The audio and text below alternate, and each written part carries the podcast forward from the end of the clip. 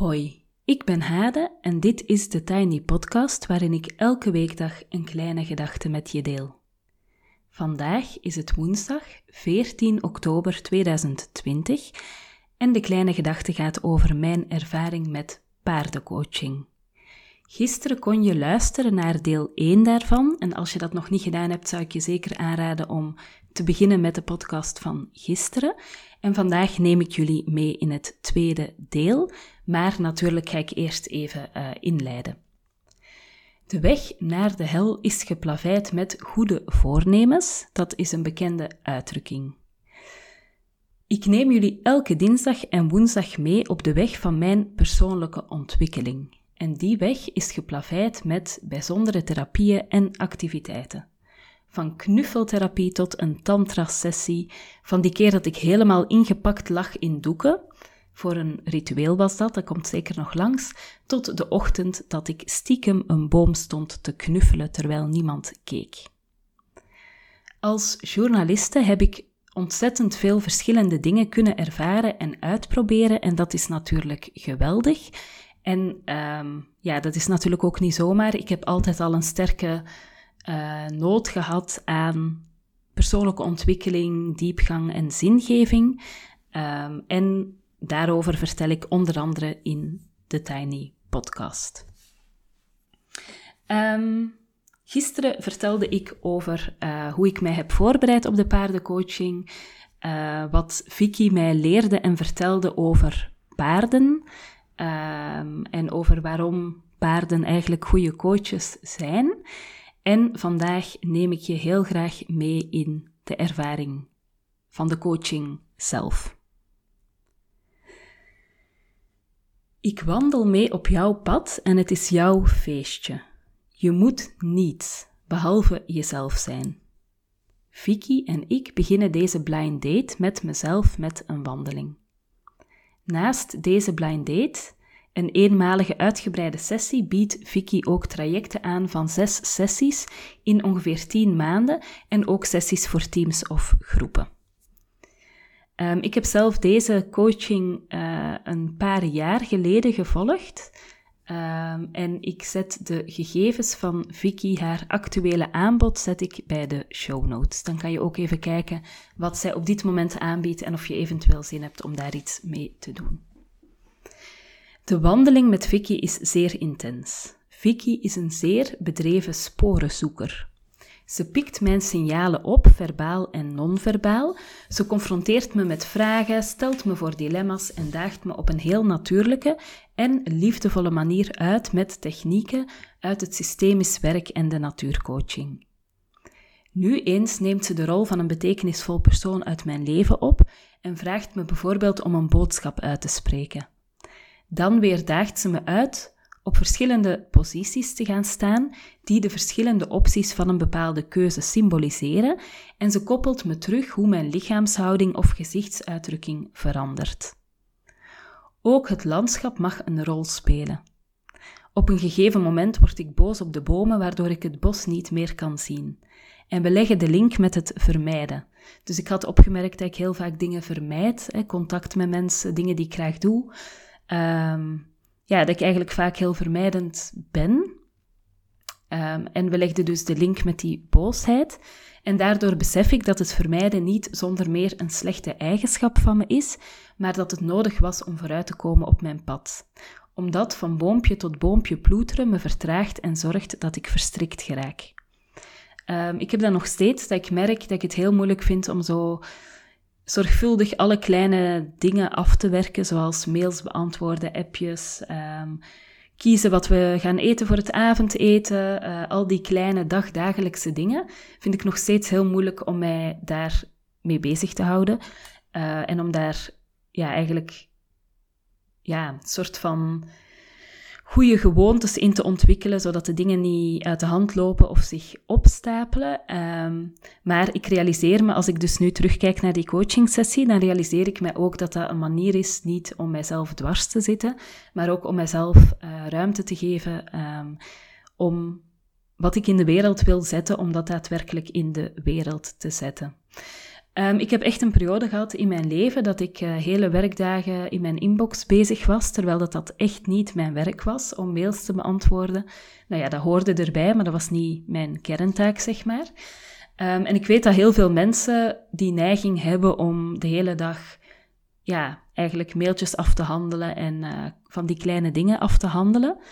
Um, ik heb nog niet zo lang geleden, heb ik echt de klik gemaakt om zoveel mogelijk diep werk te doen. En het resultaat daarvan is dat ik heel veel creëer. Dus ik heb de laatste, het laatste jaar een aantal cursussen gemaakt. Ik heb elke dag, elke weekdag een podcast in de wereld gezet. Ik heb heel veel gecreëerd. Uh, maar ik besef ook nu dat ik dat alleen maar kan doordat ik niet heel de dag mailtjes zit te beantwoorden en ja, mij heel de dag met allemaal kleinere dingen bezighoud. Um, ik besef ook dat ik daar nog een soort van uh, evenwicht in moet vinden. Want ik vind het ook niet fijn naar mensen waar ik om geef toe dat ik niet zo zorgvuldig lijk in het contact. Um, of dingen soms heel lang laat liggen. Dus daar moet ik echt, ja, daar ben ik echt naar op zoek van hoe kan ik dat goed aanpakken en oplossen. Maar um, ik vind het wel fijn om er naar te kijken en dan te zien dat het niet alleen een soort persoonlijk falen is, maar ook een manier om mezelf on track te houden met de grotere dingen. Vicky maakt foto's tijdens de sessie. Dat vind ik van nature ongemakkelijk, maar als ik de foto's later van haar krijg, begrijp ik hoe goed het is om de beelden te hebben. Veel van het werk dat gedaan wordt tijdens de sessie situeert zich immers op het onbewuste of onderbewuste en de beelden roepen voor mij het gevoel weer op. Ik kan niet goed onder woorden brengen wat er gebeurde, maar ik kan wel waarnemen en opnieuw doorvoelen als ik de beelden zie. Vicky denkt snel, confronteert op een heel positieve manier en ze is echt heel liefdevol. Ze speelt met aanwezigheid en afstand en dan heb ik het verzadigingspunt bereikt bij het gesprek en ben ik klaar voor het echte werk of de echte magie. We stappen de wei met paarden in en de grote, prachtige, elegante dieren komen ons begroeten. Ik ben even overweldigd door de dierenlijven om me heen. Cody, een mooie merrie, neemt een beetje een brutale rol op en stoot me aan met haar hoofd. Ik wankel, ik verlies mijn evenwicht bijna. Ze blijft me aanstoten en ik krijg het gevoel dat ik heb als ik overweldigd word door dingen die ik best wil doen, maar niet als ze te brutaal zijn. Gevoelsmatig maak ik een klik. Ik hoef dus niet de dingen die mijn aandacht vragen in vraag te stellen, maar ik moet controle krijgen over de manier waarop ze bij mij binnenkomen. Vicky vraagt me mijn grenzen aan te geven aan Cody en dat doe ik. Heel simpel. Tot mijn grote verbazing verandert Cody meteen. Ze blijft bij me, maar ze is veel voorzichtiger met me. Er is één klein paard in de wei waar ik een enorm warm gevoel bij heb. Een gevoel van connectie en compassie. Het is wederzijds en het paard is warm, liefdevol en trouw. Het gevoel doet me denken aan hoe ik het moederschap ervaar. Het is een bevestiging voor me dat ik een sterke mama ben met liefde in overvloed. Ik besluit dat ik contact wil maken met de hengst. Maar ik kan zijn aandacht niet vangen door naar hem toe te gaan, hem aan te raken, bij hem te gaan staan. Pas als ik afstand neem en me even heel goed in mezelf veranker, kijkt hij op en maakt hij contact.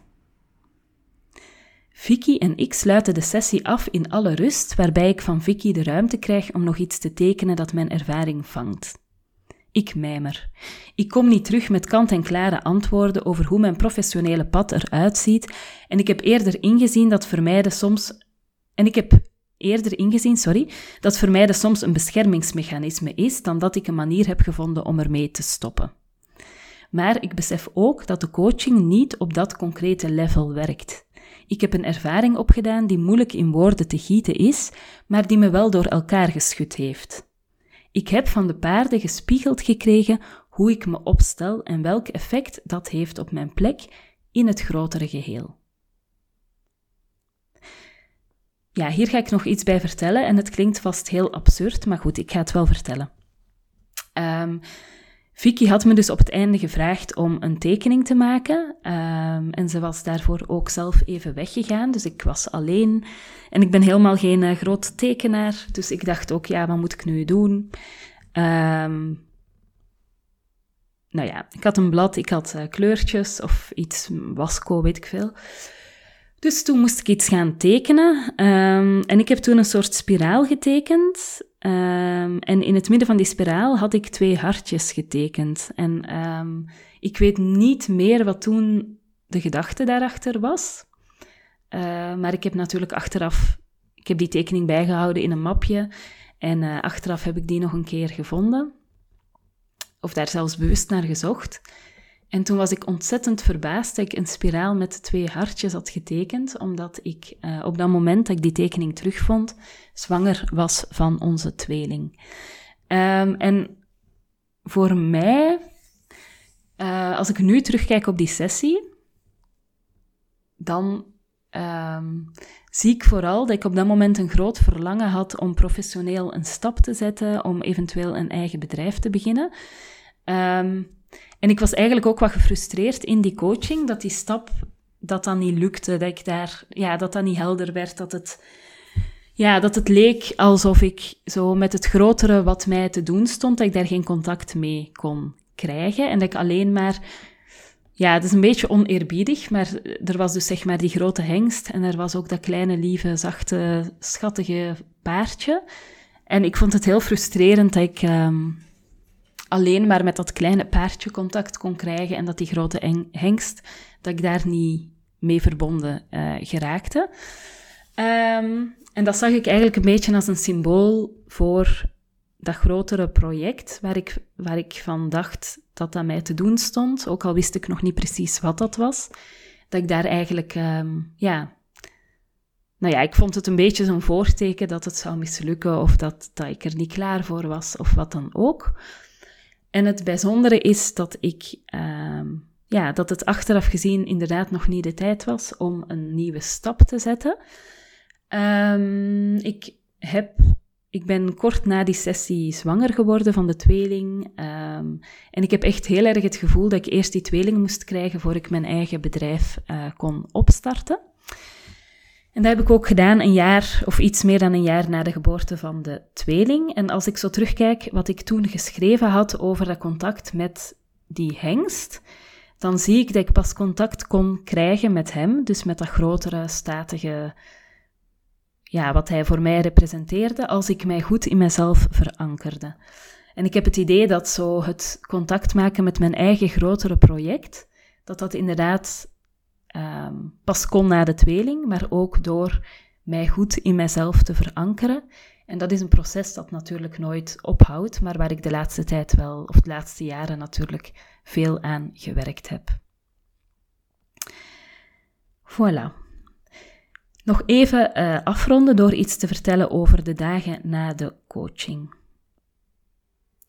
De dagen na de coaching gaat het behoorlijk rommelen. Ik zie patronen terug, zoals het patroon met de hengst. Niet me op hem afstemmen deed het contact ontstaan, maar me wel steviger in mezelf verankeren. Ik neem dit mee in mijn dagelijks leven en verander dus mijn reactiepatroon op dingen. En dat zorgt voor botsingen en ongemak. Als je zelf verandert, geeft dat heel vaak irritatie of onbegrip van andere mensen. En daar ben ik dan weer heel gevoelig voor. Ik ga midden in die boosheid, uh, wacht hè. Als ik me veranker in mezelf, voel ik ook dat ik boos ben om een aantal ervaringen. Ik ga midden in die boosheid staan en laat het bestaan. Maar dat is niet makkelijk. Het is echt niet fijn om boos te zijn. Enkele dagen na de coaching is er een nacht waarin ik beelden doorploeg uit mijn herinneringen van dingen waar ik boos om ben en momenten waar in ik me niet gezien heb gevoeld.